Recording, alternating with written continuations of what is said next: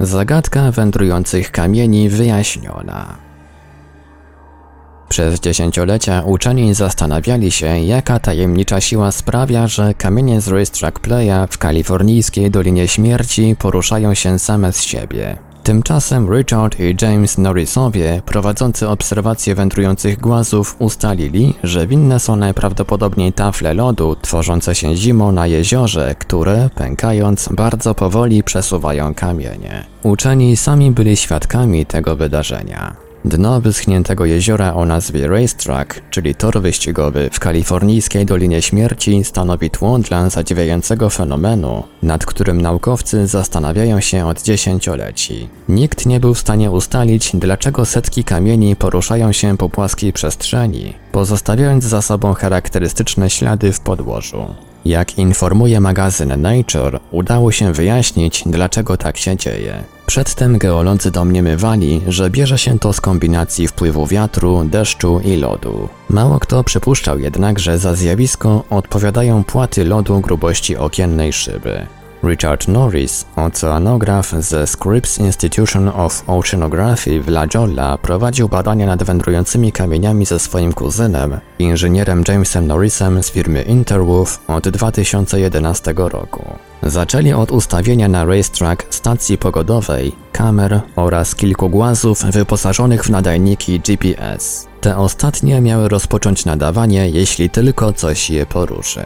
Ralph Lawrence, planetolog z Laboratorium Fizyki Stosowanej przy Johns Hopkins University w Laurel w stanie Maryland, który badał leżący 1130 metrów nad poziomem morza Racetrack jako potencjalny odpowiednik podobnych środowisk na obcych światach, nie widział wielu szans na powodzenie tego eksperymentu, stwierdzając, że długi czas oczekiwania na wyniki mógł uczynić z niego jedno z najnudniejszych przedsięwzięć badawczych w historii. Kiedy w grudniu Norrisowie udali się na racetrack, by zebrać dane, odkryli, że 1 trzecią długiego na 4,5 km dna jeziora pokrywa staw pokryty warstwą lodu.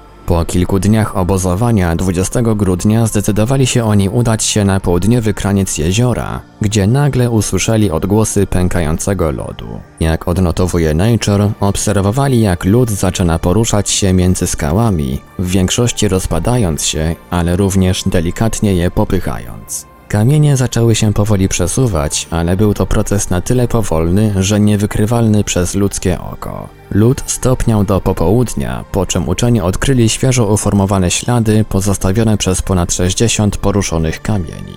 9 stycznia 2014 roku Norris przybył na miejsce z Lorencem, by zarejestrować to zjawisko na wideo. Do końca zimy najszybciej poruszający się głaz przebył 224 metry. Koniec cytatu.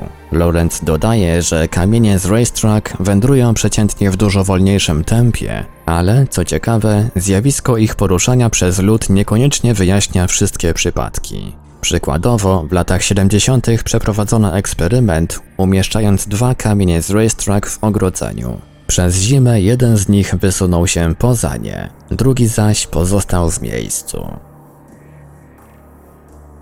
Źródło nature.com Tłumaczenie i opracowanie Portal Infra. www.infra.org.pl Czytał Ivelios